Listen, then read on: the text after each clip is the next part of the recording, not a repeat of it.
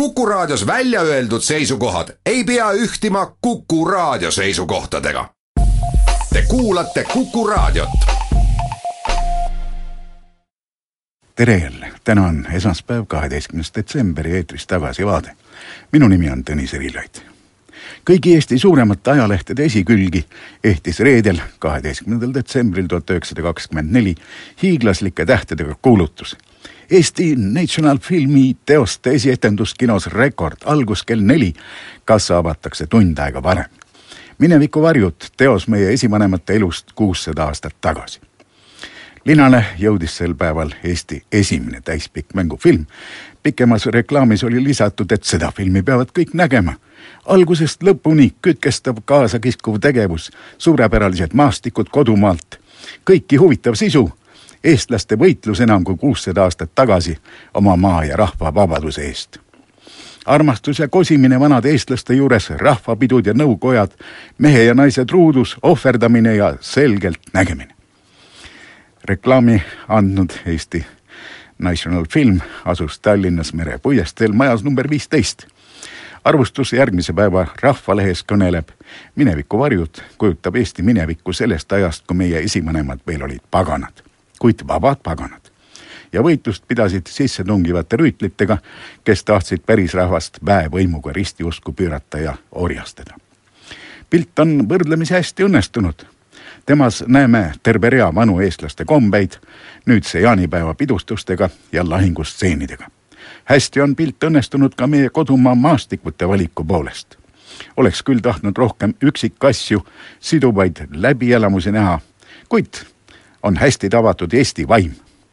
kui silmas pidada, et mineviku varjud on esimene katse meil suuremat asja ekraanile tuua, siis peab otse imestama nende kordaminekute üle, millega üksikud juhtivad jõud ja näitlejad, eriti just mõned noortest, on hakkama saanud ühes mineviku varjudega näidatakse ka esimest naljafilmi Õnnelik korterikriisi lahendus, mis paljudki sellelaadsed saksa pildid üle trumpab peale eeskava näidati meile veel kaitseväe toitlustuspilti Pilk sõjaväkke, mis väga mõnusa mulje jätab.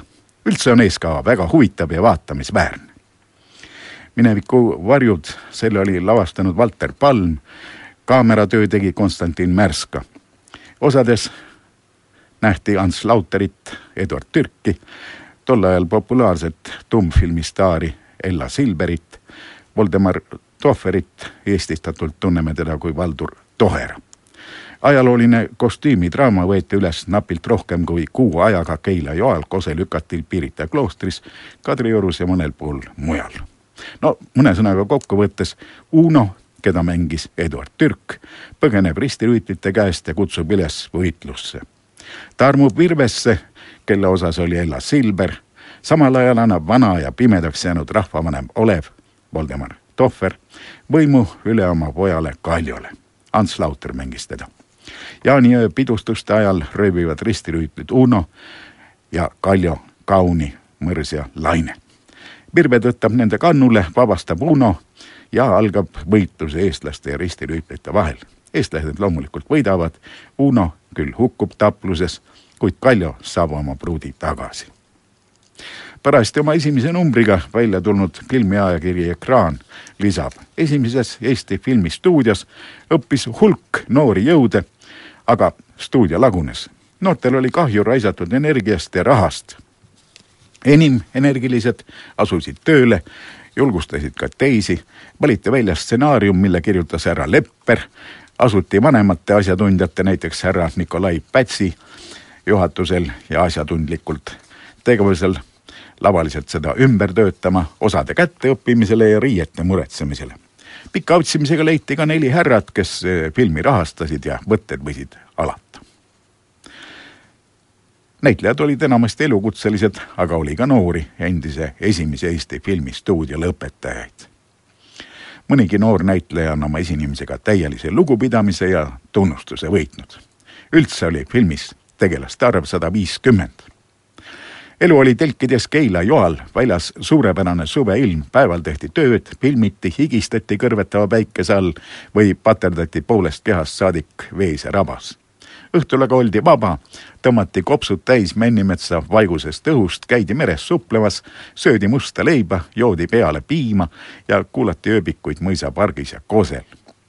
filmi armastuse ja lahingustseenid ongi tehtud Keila joal tasuja tammede ja hauastseen filmiti Harkus, Pirita kloostris võeti üles vangikongi ja rüütlite stseenid.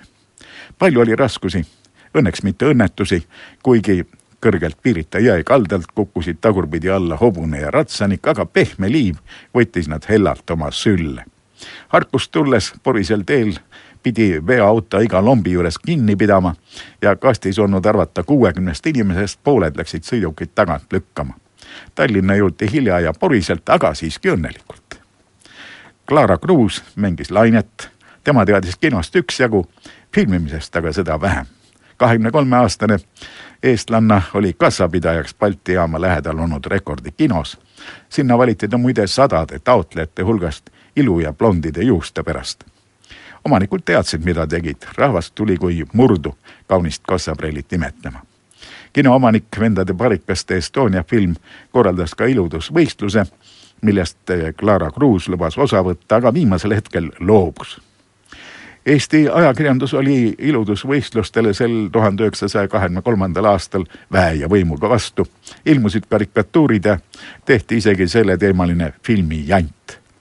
hiljem märgib ajakirjanik ainult üks kunstnik julges seda ettevõtmist kiitvalt mainida ja see oli ka ainus kunstnik, kes meil akte maalib. kuigi Kruus ütles siis ära, valiti ikkagi pooleteistsaja osavõtja seast esikaunitariks tema tüüpi sihvakas blond näitsik ja publik oli hääletussedelitele kirjutanud üsna rohkesti, et kõige kaunim on ikkagi rekordi Kassa Preili. no selle peale ta filmi kutsutigi sellega oli muidugi ka väike pahandus seotud, sest Claral olid pikad vöönijuuksed, kui teda mineviku varjudesse valiti, aga poisi pea läks moodi ja ta lasi ka enda juuksed lühikeseks lõigata, nii et pidi filmis parukat kandma. tuhande üheksasaja kolmekümne seitsmendal aastal ilmus Eesti ajalehtedes kirjutis, kuhu kadusid Eesti filmitähed. siis tuletati meelde ka mineviku varjusid. Eesti esimeses suures mängufilmis Mineviku varjud esines rida tuntud näitlejaid Estonia ja Draamastuudio teatrist. Nendest Hans Jõgi on hiljemgi mänginud tulmfilmides ja Hans Lauteril on juba kogemusi helifilmiski. ta tegi kaasa ühes Soome filmis, mida on näinud ka meie kinopublik. väljaspoolt teatrit oli üheks esimeseks pioneeriks filmialal Clara Cruz, kes hiljem abiellus ja filmihuvid unustas Clara oli tõesti tuhande üheksasaja kahekümne kuuendal aastal abiellunud endast kuusteist aastat vanema rikka mehega, kellest sai raudteede talituse direktor. ajalehed ei märkinud muide, et filmi debüüdi tegi Mineviku varjudes, see on küll nüüd kadunud film, tollane Eesti kuulsaim torupillimees Juhan Maaker ehk Torupilli Juss. ta alla mänginud kõrtsis teenis, räägivad filmi ajaloolased. Kuulmiseni.